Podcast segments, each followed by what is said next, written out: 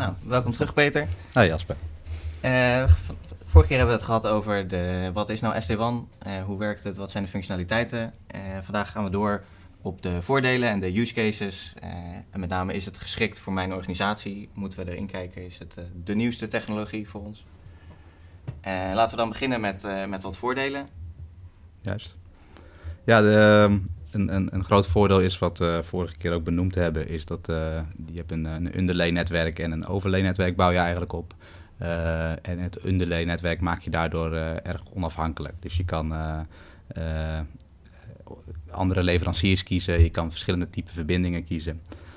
kies je internetverbinding en dan kun je eigenlijk van elke partij wel een, een verbinding kiezen die jou, die jou past, financieel of, of technisch gezien de beste is.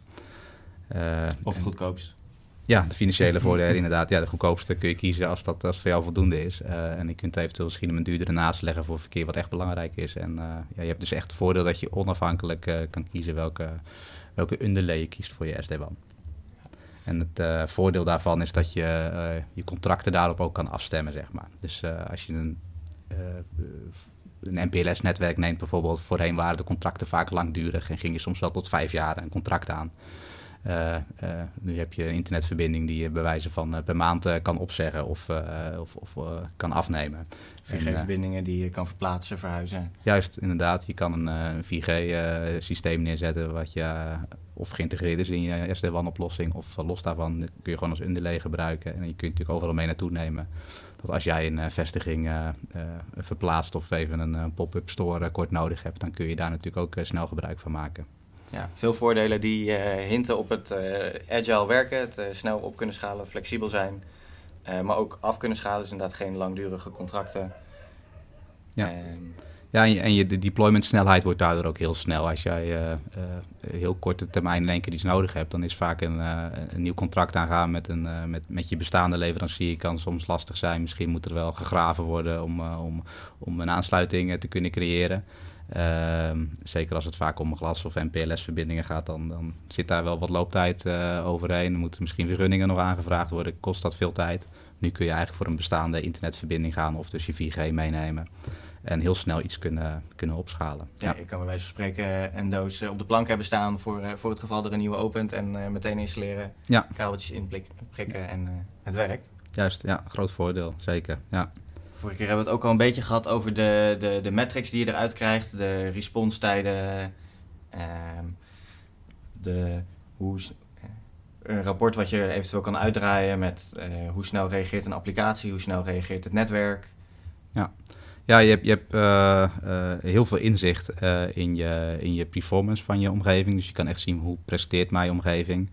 Ehm, kan daardoor ook eh, bepaalde business beslissingen nemen. Dat je ziet van, eh, nou hier wordt, eh, is, is voice een hele belangrijke. Dus daar moet ik wellicht een, een, een betere verbinding neerleggen. In een andere locatie heb je wellicht een hele dure verbinding liggen die je eigenlijk helemaal niet gebruikt. Dus je kan zeggen, nou ik wil hier gewoon een dikke pijp voor het internet hebben. En als die wat trager of latency wat hoger is, dat maakt eigenlijk niet uit. Ik moet gewoon veel data kunnen versturen, bij wijze van. Dus die inzicht geeft je heel veel, heel veel voordelen. bij bestaande contracten heb je soms wel eens, uh, uh, nou ja, je krijgt sowieso je factuur met dit heb je gebruikt, bij wijze van. Uh, maar je, soms heb je wel eens een dashboard dat je iets kan zien van, nou, deze bandbreedtes heb je gebruikt. Maar, maar bij SD-WAN is vaak echt dat je heel veel inzicht hebt in echt welke applicaties gebruiken. Er zijn dus ook business critical applicaties. En het zit al in de box, je hoeft er niet apart nog iets voor te configureren. Klopt, het, ja. komt er gewoon bij en je kan het aanklikken. Het verzamelt op de achtergrond de hele tijd die informatie. Juist, ja. Het is geen extra uh, iets wat je, weer, wat je daarnaast weer moet hebben, inderdaad. Ja, dat klopt. En vorige keer hebben we ook al even gehint op dat het oorspronkelijk uit de VS komt. Uh, is het überhaupt relevant in Nederland? Ik bedoel, de internetlijnen zijn goedkoop, je krijgt veel bandbreedte. Uh, de kans op kabelbreuk is relatief klein. Het zijn vaak korte trajecten die redundant aangesloten zijn.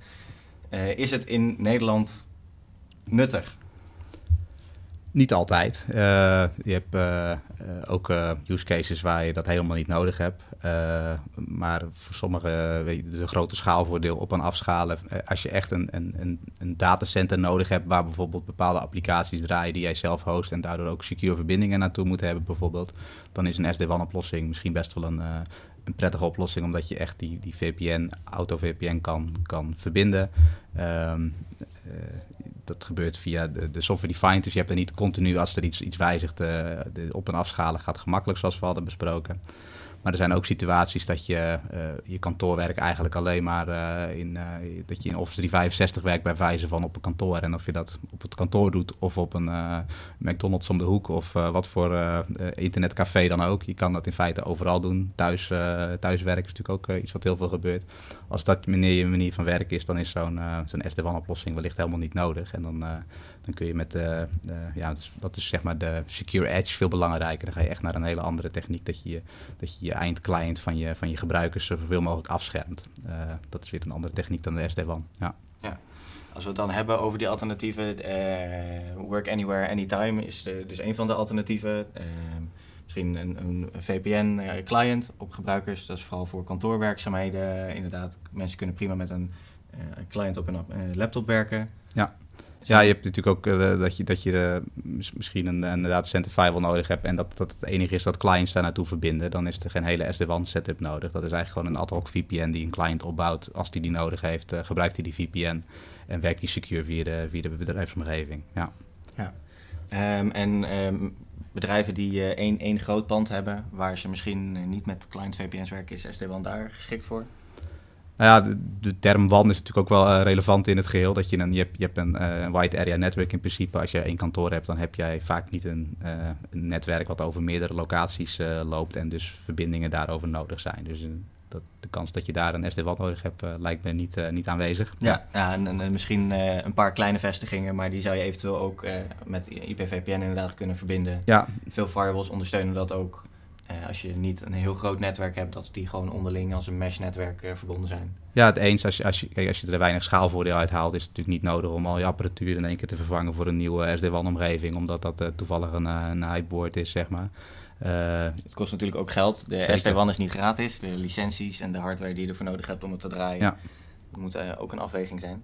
Ja, absoluut. Het moet uiteindelijk voor je, voor je, ja, je, je business case moet wel rond kunnen dat jij het, het, nuttig is om SD-WAN te draaien. Als je alleen maar een paar metrics uh, meer inzichtelijk wil hebben, wellicht kan het ook op een andere manier als je een vrij kleine omgeving hebt of, uh, of wat, wat, wat, wat groter, maar misschien wat minder locaties. Dan is dat over het algemeen ook prima op andere manieren op te lossen. Ja. Um, we hebben het nu vooral gehad over de, de use cases, de, de voordelen die eraan zitten. Als ik als bedrijf zeg ik wil beginnen met SD-WAN, wat zijn de mogelijkheden om daaraan te beginnen? Hoe kan je het afnemen? Ja, je kan dat natuurlijk op meerdere manieren doen. Je kan zeggen van nou, ik koop zelf uh, uh, bij, een, bij een leverancier of via een partner koop ik apparatuur en mijn huidige netwerkbeheerders of systeembeheerders nemen dat in, in beheer en gaan dat zelf bouwen. Dat is natuurlijk een oplossing waar dus je ook opleiding nodig hebt voor mensen en de ontwikkeling daarvan. Dus dat, als je een groot genoeg en professionele IT-afdeling hebt, zou dat best een, een optie kunnen zijn dat je het allemaal zelf gaat doen. Ehm, je, je, hebt dus wel inderdaad uh, hardware-investering zelf nodig, plus een uh, kennisinvestering in je, in je partij. Je kan je natuurlijk ook de, wel alles zelf inkopen, maar het beheer laten outsourcen. Dat is ook zeker een optie, ja. Je kan natuurlijk zeggen van nou, ik ben zelf mijn eigenaar en ik wil zelf de controle hebben, maar ik laat het beheren door een, door een partij die daar wellicht een meerdere omgeving van heeft. Ja, dat klopt. Maar je zou het ook uh, uh, wellicht als dienst kunnen afnemen. Echt dat je zegt van nou ik wil een uh, bij een service provider wil ik een, een, dienst afnemen. Ik wil voor alle. Volledige ontzorging. Volledige ontzorging, ja. Dus ik neem het echt als een dienst af. zij zorgen ervoor dat de hardware en, en de software en, de, en het beheer allemaal geregeld wordt. En jij lift mee op, op wat zij leveren. En dat geeft wellicht een mooie rapportage en inzicht dat ze, dat ze dan wel kunnen delen met je.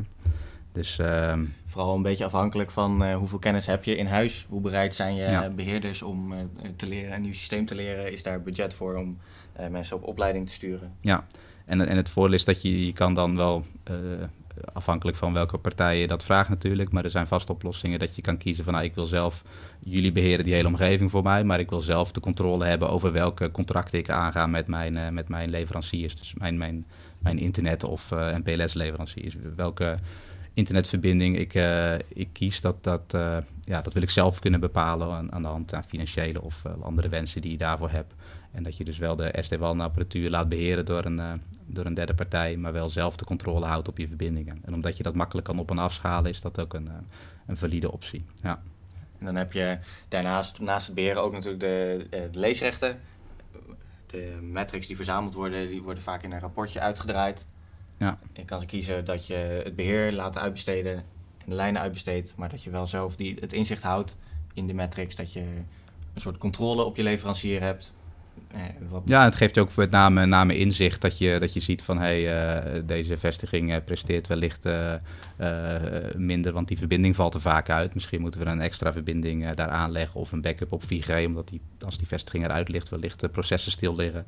Je kan er dus dan ook beslissingen op nemen, omdat je dat inzicht ook hebt, zonder dat je zelf überhaupt het beheer op zo'n omgeving doet. Ja. Nou, dat is een hele hap.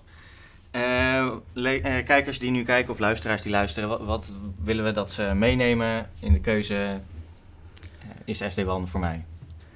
Ja, ik denk dat er de, de, echte vraag is, de key takeaways, is van nou, heb je daadwerkelijk een WAN nodig? Als je geen WAN nodig hebt, hadden we het al benoemd, ja, dan, dan heb je ook geen SD-WAN nodig natuurlijk. Dus dat is wel echt een van de belangrijke punten. Daarnaast uh, heb je echt flexibiliteit nodig. Of, of heb je dat, uh, dan, dan kun je snel op en afschalen. Heb je bepaalde bedrijfsprocessen die dat helemaal niet hebben. En je kan heel langdurige contracten aangaan. Als je dan is het wellicht... een fabriek hebt die uh, 20 jaar meegaat, dan ja, is het misschien minder relevant. Zeker minder inter interessant om, om te kunnen op en afschalen. Ja. En de controle, als jij je controle in, in eigen hand wil houden, dan, dan is het wellicht een, een handige oplossing om dat te doen. Ja. ja top. Dankjewel, Peter. Ja, was weer leuk, Jasper. Ja, tot de volgende keer. Yes.